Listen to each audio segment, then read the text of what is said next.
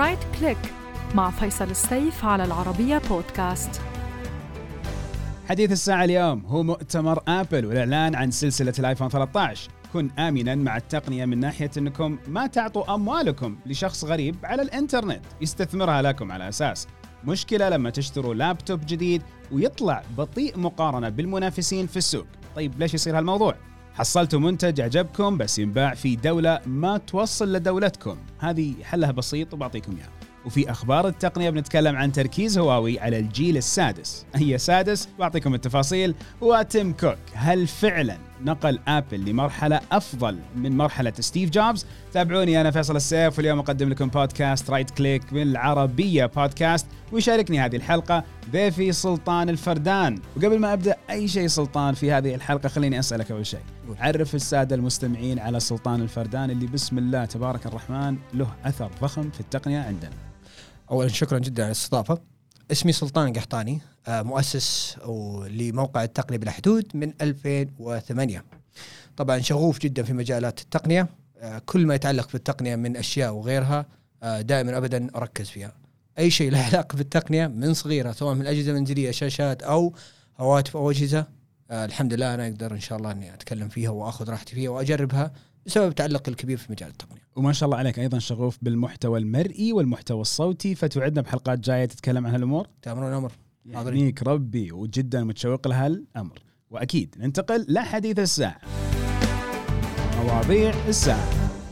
مؤتمر آبل واللي تم فيه الإعلان عن الآيفون 13 والساعة بجيلها السابع بالإضافة إلى جهازين آيباد. خلونا نتناقش الإعلانات الجديدة وخليني اتناقشها معك أكيد سلطان. أول شيء نتكلم على جهاز جديد وببدأ بالساعة لأنه كنا نتأمل شيء وطلع شيء. تفضل قل لي الساعة وش رأيك فيها؟ والله إحنا توقعنا شيء وطلع شيء مختلف تماما. يعني اللي صار حرفيا هو عبارة عن تحديث للشاشة.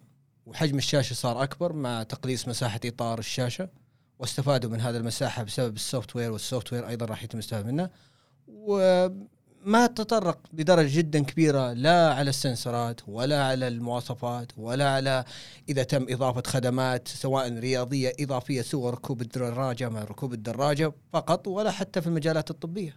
صدقت وبالفعل لو نلاحظ بين الجيل السادس والسابع ما في أي تغيير تقني ملحوظ فقط تغيير في بعض قطع ال hardware اللي ما حتضيف تقنيات بل حتضيف جمالية تواصل مع الساعة. أنا والله الصراحة انصدمت، أنا توقعت إنه راح يكون في تغيير جذري. توقعت شكل جديد. إي أنا توقعت لأنه آه، خلاص يعني لازم يتغير الشكل. زيادة حواف أو عفوا تقليص الحواف وإنك أنت تزيد من انحناء الشاشة بدرجة جدا كبيرة ما قاعد يقدم بالنسبة لي شيء الكثير. ما راح يميزني كشخص مستخدم هاوي أو آه، من عشاق ساعات أبل. اللي صدمني أكثر إنه عدم التطرق وش الجديد؟ غير اللي أنت ذكرته كهاردوير. يعني وش اللي قاعد قدمته مع المنافسين؟ في كثير من المنافسين قاعد يقدمون تقنيات وسنسرات جديدة. بس ما قاعد أشوف شيء. بس تركيز على الشاشة التركيز على إنه والله إيش صار بسبب الشاشة وش صار فيها والأساور ما الأساور صدقت. أيضا أمر ملفت للانتباه إنه نهاية تقديمهم للساعة أعادوا ترتيب ساعاتهم زي ما سووا في كل مؤتمر والترتيب كان كالتالي. أقل نسخ ساعات هي السلسلة الثالثة واللي شيء صادم كون عمرها الحين كم؟ خمس سنين تقريبا أو أربع سنين. ثم فوقها تيجي ساعة الاس اي واللي تم إصدارها عام 2020 ثم الجيل السابع اللي تم إصداره هالأسبوع أو الشهر. فما هي منطقية حتى في الترتيب. أنا أشوف الموضوع منطقيا لسبب إنه يا إنه النسخة الثالثة قاعد تباع بكميات هائلة جدا فابقوا على الموضوع هذا وما استغنوا عنه لتحفيز الناس لامتلاك أكبر نسبة من الأجهزة القابلة للارتداء وزيادة من نسب الحصص السوقية. جميل. أو إنه علشان إنه تعال إحنا بنقدم لك الاس اي وتعال بنقدم لك تبغى شوية تقنيات برضو زيادة عندنا النسخة الثالثة أو عفوا نسخة ال SE وبعدها عندك النسخة السابعة. يعني هذا التفسير المنطقي اللي خرجت فيه الصراحة. كلام منطقي بصراحة. أنا جبت الساعة بدري ولكن أول المنتجات اللي كانت صادمة في المؤتمر وتم الإعلان عنها هي الآيباد اللي تسريبات وضحت إنه مو هذا وقته. فالآيباد ميني بتصميم جديد تماما. هل هو شيء جميل بالنسبة لك أو لا؟ اولا صراحة طريقة إعلانهم كانت يعني غريبة شوي ولكنه okay. خلينا نوضح نقطة وأنا يمكن ناس تزعل مني ولا لا. في منصة التابلت أنت لما تتكلم عن منصة التابلت قاعد تتكلم عن منظومة الآيباد. إحنا قاعدين نتكلم عن جهاز صغير ما تم أو ما قدموا شيء فيه من 2017 فأعلنوا عن النسخة الكل كان ينتظرها للأمانة اللي هو الآيباد ميني. والأمانة أنا أولهم كنت أنتظرها لسبب إنه جهاز صغير جميل جدا سهل التنقل وقاعد تهمله. ليش؟ فأنت لما أعلنت عن النسخة الجديدة من 2017 قدمت لي شيء جديد كليا. وهو الجهاز آه، ترى على فكرة لو تأخذ سيرة على أو نظرة على المؤتمر كاملا ما راح تلقى الجهاز الوحيد اللي تغير كاملا داخليا وخارجيا كان الآيباد ميني طريقة الطرح أيضا كانت غريبة يعني لو لاحظوا معي المستمعين في البداية تكلموا عن آيباد جيل تاسع هذا. شيء ما كان متوقع. وركزوا في تقديمهم لهذا الآيباد أنه موجه للطلاب والدراسة بالخصائص اللي فيه وبفئة سعرية قليلة وقدموا الآيباد ميني بسعر يوازي الجيل الثامن بل أعلى من الجيل الثامن اللي موجود في السوق فالميني أغلى من الجيل التاسع. صحيح. وهذه صدمة في تقديم الأسلوب حق جهاز لوحي جديد بس كمان وجهوا هذا الجهاز لصناع المحتوى مستهلكين المحتوى المرئي وأيضا الناس اللي تحب الألعاب. فغريبة. أعتقد لما أعلنوا عن الآيباد الجيل التاسع كان الفكرة ما فيها ترى إحنا ما نسيناكم. بنقدم لكم آيباد يكون مناسب للجميع. فقدموا هذا الآيباد. هذا التفسير الوحيد واللي كان فق- فقط تحديثات hardware لا أكثر ولا أقل. ثم انتقلوا إلى نسخة قالوا إحنا نبغى نرف- نرفع ال standard حقها فأعلنوا عن الايباد ميني هذا التفسير الوحيد لأنه حتى لو تلاحظ القلم اللي هو الأبل Pencil ترى الموجود في الجيل التاسع ترى لا زال الجيل الأول. هم الحين حججوا الجيل الأول إيه. والثاني من الأقلام أنها إيه. تابعة لتصميم الجهاز. صحيح. فأي شيء بالتصميم القديم جيل أول. بالضبط. لأنه ما في جوانب إيه. شحن. فما اهتموا في التصميم الخارجي. صدق. ركزوا فقط على ال hardware من ال hardware وإنه تعال ترى مو بس مناسب لل multimedia ولل gaming وتصفح بل أيضا ممكن تحوله إلى منصة حاسوب صغير ومع القلم مع الكيبورد فعلا يتحول هذا الشيء. جميل جدا. وخلينا ننتقل على طول على الآيفون 13 العادي والميني. على مستوى التصميم ممكن الاختلاف كان في النتوء الأصغر وتوزيع الكاميرات وبطارية أكبر. هي تعديلات أكثر منها أي شيء جديد. وش رأيك في مسألة اللي صار من تحديث على ال 13 وال 13 ميني؟ للامانه تحديثات صغيرة.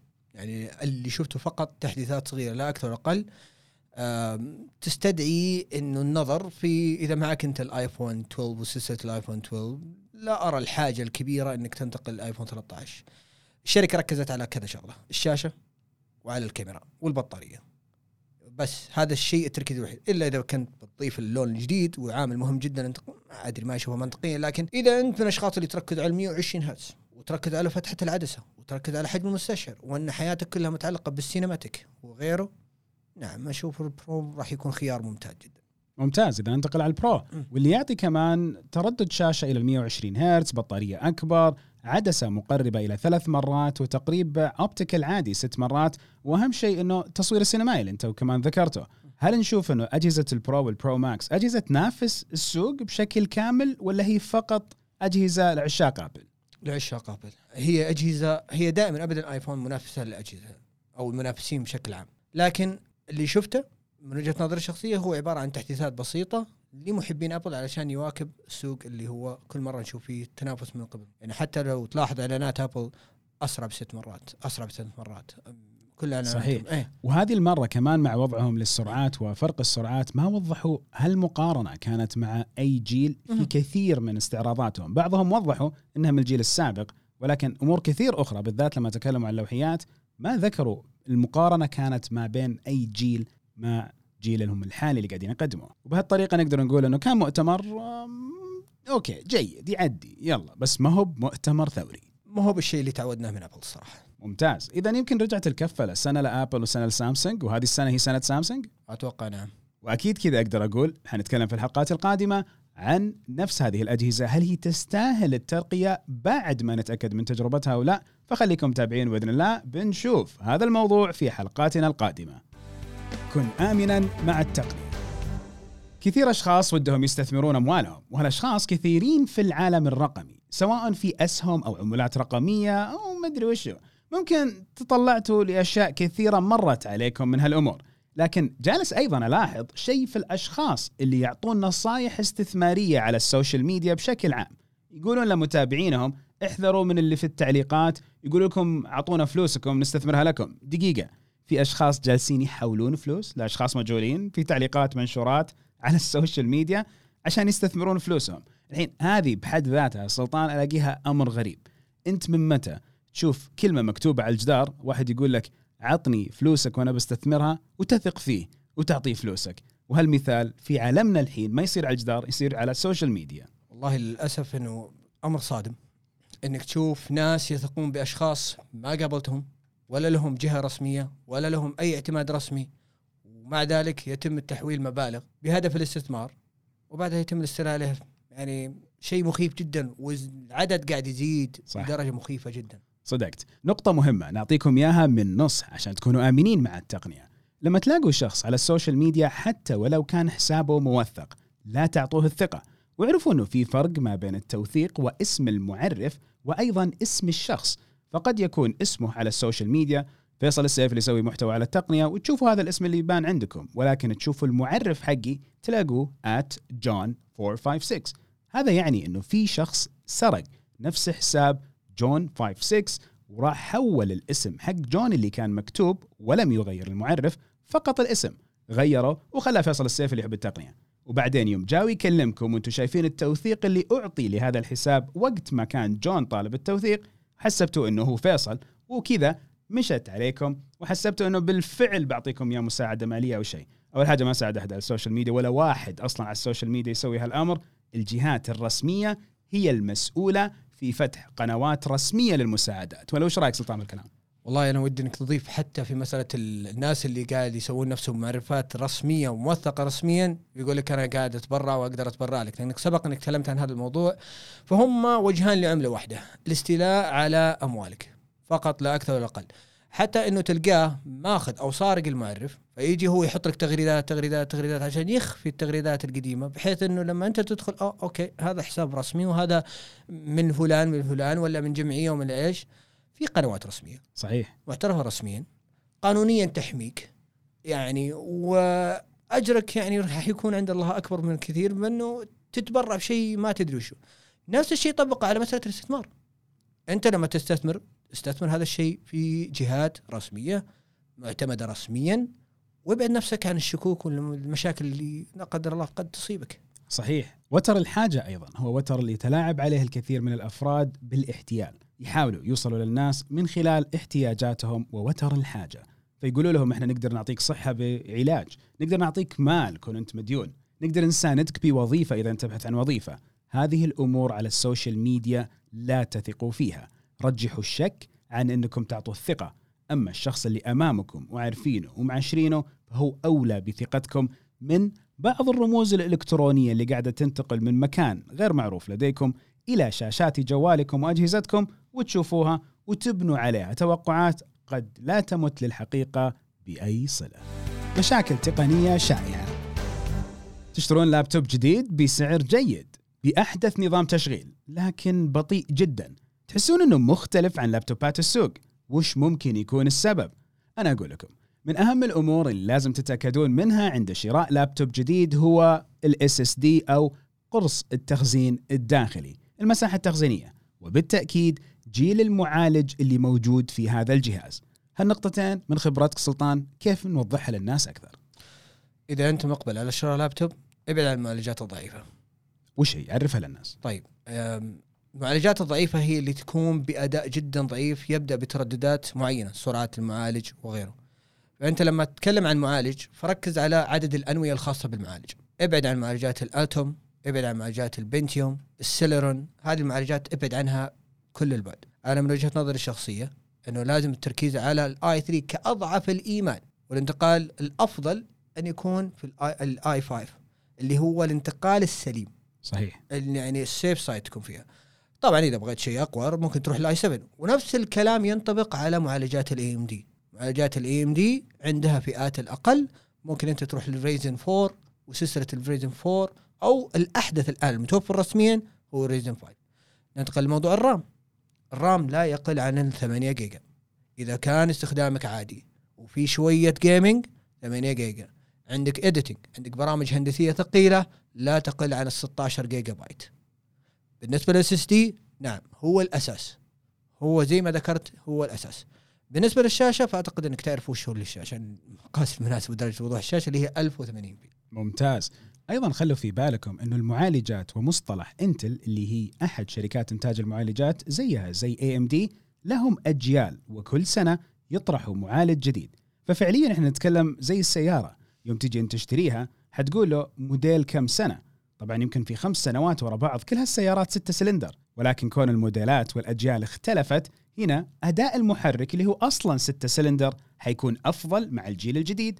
هنا نفس الشيء مع المعالجات فدائما تحروا قبل ما تشتروا جهازكم الجديد. والله يبارك لكم.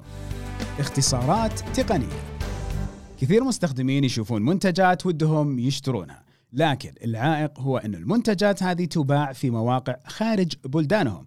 يروحون يدورون مين يبيع نفس المنتج في بلدهم وإذا لقوه حيكون السعر مبالغ فيه أو ما فيه الضمان الممتد المستخدمين يدرون أنه هذا حل بسيط بس في خدمات عالمية موجودة تتيح لكم التسوق من حول العالم وهنا ما حنتكلم على هالخدمات ولكن على النصائح اللي مفروض تكون عندكم في بالكم أثناء التعامل مع شركات الشحن الدولي. كل دولة لها نظامها في مسألة القوانين حقت الجمارك وما يسمح بتصديره للبلد، صح؟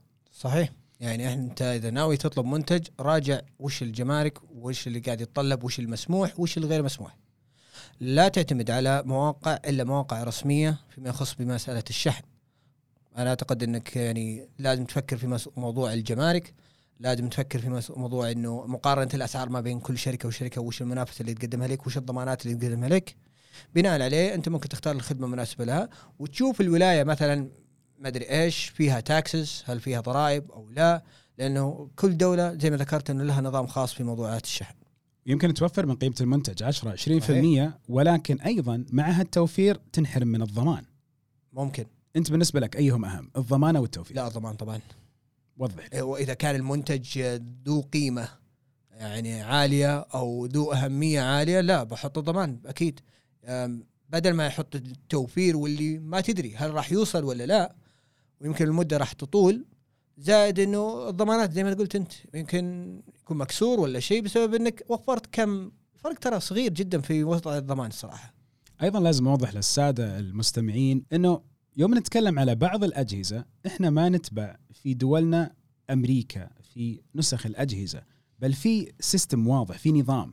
إنه مثلا 220 آه، ككهرباء الدولة إذا أنت تجيب من المنتجات اللي موجودة في أوروبا أو في بريطانيا عشان تتوافق مع منتجات دولتك إذا كانت هذه المنتجات تجي مع شواحن تجي مع ضمانات جيدة. ففرق السعر هنا ما حيلاحظه الناس بشكل كامل من جانب التوفير. أعتقد الحل الأمثل إن الواحد يراجع المواصفات المقاييس لكل دولة هو فيها.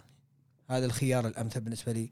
بالنسبة لموضوع الشاحن ومن هذه الأمور أنا أتوقع إنه لازم تدرس الموضوع خاصة أنت تطلب منتج من شركة أو عفوا من دولة مختلفة تماما يعني من ناحية معايير المواصفات المقاييس الموجودة عندهم جميل جدا وأشوف إنه بالفعل إذا تبغوا تختاروا خدمة تأكدوا أنكم تواصلتوا معاهم. شفتوا مراجعات التقنيين عن هذه الخدمة ومو فقط اللي خلاكم تختاروهم إعلاناتهم ودعاياتهم اللي قاعدين يحطوها في ال social media. آخر أخبار التقنية. هواوي بدأت تتكلم بشكل موسع عن الجيل السادس ويقولون إنه الجيل السادس بينتشر بين العامة في حدود ال 2030. إحنا ما في حولنا إلا كم شخص اللي يستخدم الجيل الخامس اليوم. سلطان قبل ما نتعمق في الموضوع كيف شبكة الجيل الخامس معك واعتمادك عليها حاليا؟ أه بالنسبة للتغطية قصدك؟ بالنسبة لي أنت تتعامل معها وتهتم فيها أو هي شيء ما هو ضروري لنا بالنسبة لي ال5 جي ليس يعني ليس الضرورة يعني ليس الحاجة يعني هي موجودة نعم مدعومة نعم لكنها ما هي بالمقام الأول أنا أعتقد إنها لم تنضج بعد إلى الآن في الاستخدام الواسع مو بس مقاييس سرعات إنترنت ويلا مع السلامة أنا أتوقع إنه بعد سنة سنتين راح نشوف الفائدة كثير وخاصة إذا ركزنا على منظومة معينة وهي اللي أشوفها صراحة للمستقبل اللي هو ربط ال 5 جي مع إنترنت الأشياء. صحيح ممتاز. وأيضا كثير من المستمعين في الدول العربية أكيد لسه ال 5 جي نفسه ما حسوا بتواجده في دولهم، فهنا أقدر أقول هل فاتهم شيء فعلي؟ لا للأمانة ما أشوف إنه الآن في الوقت الحالي على المر من أول ما دخل عندنا ال 5G ما اشوفهم فقدوا الكثير. هو تسويق أكثر من أي حاجة وفي فئة استفادت. في فئة بس يعني نسب التسويق حقت ال 5G أو إنه جهازي ترى 5G نعم نجحوا فيها لكن كم نسبة الفائدة؟ صحيح وال 4G أشوف إنه هي بالفعل كانت أكبر نقله نوعية صارت عندنا في البيانات الخليوية. صحيح. هل نعم. كانت بالاعتماد أشوف إلى الحين نعتمد على ال four G لأنه في خدمات في خدمات متعلقة بال four G مثلا الفولت ال VOT ال voice over LTE ال WiFi calling اللي أدري إنه ما له علاقة بس إنه أضافوها مع خصائص قاعد نشوفها في جوالاتنا مع ال four G فإحنا نشوف آه okay في فوائد قاعد نشوفها مع ال four G ال five G وش شفت منه الان؟ سرعة تحميل صحيح. تنوين، ما في أي شيء له. هل شفنا 5G زي ما وعدونا في السيارات؟ ابدا. مع ال autom مع القيادة الذاتية وغيره؟ ابدا. هل شفناها مع إنترنت الأشياء؟ صحيح. إلى الآن ما شفنا شيء. فعلشان كذا إذا فاتك أنت ال 5G ترى عادي الأمور تم بخير ترى. من جد. وأشوف. كمان ال 5G بداية تسويقها كان واقعي إنه تكلموا على ال IoT اللي هي إنترنت الأشياء وكيف الأعمال حيستفيدوا بنقله إلى الثورة الصناعية بجيلها الثاني. ولكن تركيزهم على المستخدمين لشبكة الجوال ما كان في محله إلا أنه تسويق أكثر من أي شيء. صحيح. جميل. بالنسبة لك بتحرص على ال 6 جي الحين لو تكلمنا على هواوي هل هذه خطوة كويسة ولا هي فقط خطوة ل ما أدري يعني تخطيط مستقبلي منهم شوف أنا عارف ومدرك تماما إنه كل شركة تنظر للمستقبل. طبعا إحنا قاعدين نتكلم عن هواوي إحدى عمالقة الشركات المطورة للشبكات. وهذا أمر طبيعي إنه لما نشوف في تنافس ما بين هواوي وإريكسون ونوكيا وغيره كل قاعد يتسابق مين قاعد يتبنى التقنية في المستقبل. وهذا أمر مفهوم موجود في كل المجالات. هذا شيء قاضين منه ومنتهين. بس هل أنا متحمس له؟ للأمانة أول ما قريت الخبر ما أنت تركت العنوان يعني. قريته okay. لأنه ما إحنا عارفين وش راح يكون 6G ولا إحنا عارفين وش راح يكون. هل إحنا انتهينا أصلا من 5G باقي ولا باقي؟ فلا ماني متحمس كثير صراحة لأن أشوف بوادر ال 5G ونضج ال 5G ومن ثم يمكن ننتقل لل 6G تويتر ترجع تستقبل طلبات التوثيق من جديد. okay، السالفة لها سنوات كثير والمستخدمين يحلمون بالشعار الأزرق جنب أساميهم. كان لها شروط وطريقة أقرب للواسطات، بعدين صار الواحد يقدر يقدم طلب عادي. بعدين قفلوا هذا الموضوع بعد أقل من أسبوعين من فتح الأمر. وثم الحين رجعت تويتر وتقول إنه أكيد أكيد أكيد حنمكن هذه الخاصية من جديد. أهمية التوثيق يا سلطان من خبرتك المفروض مين اللي يهتم فيه؟ الشخصيات الهامة الشركات المؤسسات الجهات الرسمية هي اللي المفروض تحط اهتمامها الكبير جدا آه، في موضوع التوثيق يعني أنا أشوف إنه هذول الفئات هم اللي فعلا لابد أن يتم عدا ذلك ما أشوف لها أهمية بالنسبة لأي أشخاص الأفراد العامة بشكل عام. وهنا أقدر أقول لكم إنه التوثيق شيء جدا مهم وله إجراءات، ما في شيء اسمه توثيق بفلوس، كل المنصات أتاحته بشكل مجاني، ولكن أكيد كل شبكة قاعدة تحاول تحمي نفسها في إنها ما توثق الشخص إلا وهي متأكدة 100% من هويته، فبالتالي يبيلكم الصبر شوي والجلادة واتباع التعليمات أول بأول. رواد التقنية. أعتقد من مؤتمر آبل حلو إننا نتكلم عن تيم كوك، مو ستيف جوبز لأنه دائما الكل يتكلم عنه. لكن تيم كوك ما حد يسولف عنه كثير مع إنه الرجل رفع قيمة آبل بشكل جنوني. وش رأيك؟ بعمل تيم كوك أداؤه في شركة آبل بشكل عام سلطان. هل تشوف إنه بالفعل نقل الشركة لشيء جديد من الأرباح؟ بالنسبة لي نعم. أنا أشوف الشخص يعني قدم خلال مسيرته المهنية عدد لا بأس من من المنتجات غير السياسة الخاصة بأبل آه سواء من ناحية إنه والله التسويقية آه من ناحية تعاونه وعمله مع المطورين وأيضا في سياسة طرح الأجهزة لو تلاحظ تغيرت بشكل كامل عما كان عليه لما كانت تحت آه ستيف جوبز. فالرجل الصراحة بالنسبة لي أشوفه نجح في تقديم منتجات في التسويق في تحقيق دخل مهول جدا لأبل ورفع القيمة السوقية الخاص فيها إلى رقم التريليون صحيح. فالرجال أشوفه شخص ناجح. وستيف جوبز كان يحب الابتكار قدم أجهزة جديدة للسوق وخلنا نقول أنه خلق categories أو تصنيفات جديدة. الآيبود غير السوق الآيفون غير السوق الآيباد كمان غير السوق. وجود نظام خاص بمنظومتهم ونظام مغلق إلى حد ما غير السوق. وكل الأشياء هذه كانت بقيادة ستيف جوبز. وتيم كوك زي ما أنت ذكرت غير الموضوع. فهل الشركة أصلا انتقلت من الابتكار إلى التسويق والقيمة السوقية بناحية التركيز على ما هم يعملون فيه؟ أعتقد لو تناظر خلال السنوات اللي بدأ فيها تيم كوك إلى يومك هذا ركز على التشعب. نعم ركز على مثلا التسويق لكن تشعب أقصد بالتشعب اللي هو مثلا عندي أنا ايباد بالسعر الفلاني. تتذكر الأجهزة كيف كانت وكم كانت اسعارها كانت اسعارها فلكية. صح. لكن الرجل اللي وفره أكثر من نسخة بأسعار متفاوتة. صحيح. علشان إيش؟ علشان يحصل على نسبة عالية جدا من ناحية المبيعات. الحصة الحصة أو التسويقية أيضا فرضت نفسها بدرجة جدا كبيرة على الأجهزة القابله للارتداء على التابلت على اللابتوبات وغيرها.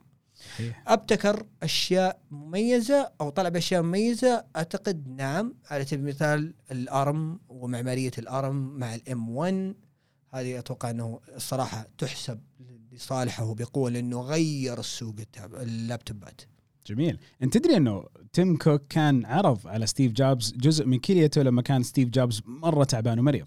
يقولون إنهم كانوا مرة أصحاب وستيف كان واثق إن تيم كوك بيقود آبل بشكل ممتاز من بعده. تحس إنه حط ثقته في الشخص المناسب؟ أعتقد نعم. الرجل نجح وفرض نفسه صراحة وإحنا موعدين على كلامه بمنتج مميز مختلف تماما. ما نعرف متى أعتقد نعم الرجال يعني آه، نجح بدرجة جدا كبيرة وفرض نفسه في آه، كرئيس لشركة أو رئيس التنفيذي لشركة آبل. وإحنا موعودين على كلام إنه بمنتج مميز مختلف تماما قبل رحيله عن شركة آبل. قبل أسابيع أيضا تم اهدائه جزئية من البونس آه، اللي حيمكنه من البقاء في الشركة إلى أعوام قادمة بأثر تأكيدي. يعني خلاص ما حيقدر يفكر الحين إنه يطلع من الشركة ولما نشوف كمان أرقام آبل ومنتجاتها ومدى رضا المستخدمين هل تحس فعلا إنه الشركة ماشية بالبركة مثل ما كثير قاعدين آه، اللي يكرهون الشركة يقولوا؟ أو تشوفهم بالفعل شغالين بطريقة توازن كويسة خلت آبل هي المنتج الراقي جدا في السوق؟ إحنا الحمد لله وأتكلم إحنا كناس متخصصين في مجال التقنية. ما خلينا النظام اللي استخدمناه وقاعد نستخدم أكثر من نظام فوق واحد. ليش أنا أقول ذا الكلام الآن؟ إحنا نقول إنه السياسة اللي اتبعتها ابل منذ بدء تيم كوك إلى يومك هذا نجح الرجل في إثبات نفسه. ما في شيء يمشي بالبركة. الرجال يعني قاعد يعني كل ما quarter أو كل ربع من السنة نقول طاحت مبيعاتهم طاحت مبيعات نشوف العكس. أضعف جزئية اللي هي كانت مبيعات الماك وأنت تشوف ترى الارقام بنفسك أضعف جزئية شوف الآن كيف صارت الآن. خلال آخر ثلاثة quarter قاعد تزيد المبيعات بال double. صحيح. وهذا إيش معناته؟ يعني يعرف يسوق منتجه بشكل ذكي. بالضبط. إحنا ما إحنا بحاجة ابتكارات كثيرة قد ما حاجة تسويق الأمور وتوضيحها للناس وإعطاء زي ما أنت قلت categories وفئات مختلفة سعرية تمكن انتشار وحصة سوقية أكبر. يا سلام. اذا كمان يبينا ننتظر ونشوف الأشياء القادمة من تيم كوك. وعلى فكرة الكلام اللي قاعد يقوله سلطان مرة ممتاز من ناحية إنه المفروض موعودين بختام جميل لمسيرته مع آبل. هل الأمر سيارة هل الأمر نظارة؟ هل الأمر جهاز جديد؟ مطوي ما قد فكرنا فيه قبل كذا. ننتظر ونشوف. وإن شاء الله رب العالمين يكون شيء رايق بكذا أقدر أقول سلطان نورت حلقة Right Click جدا متشوق لظهورك معي في حلقات قادمة بإذن واحد أحد. شكرا لك ولوقتك الله يعطيك العافية وشكرا مرة ثانية على الاستضافة. شكرا لكم أيضا أعزائنا المستمعين لبودكاست Right Click أكيد إني متشوق لآرائكم وأيضا لمتابعتكم والحلقات القادمة. بيكون فيها أشياء أجمل بإذن الله. ونهاية الحلقة كان معاكم فيصل السيف وهذا بودكاست Right Click من العربية بودكاست السلام عليكم ورحمة الله.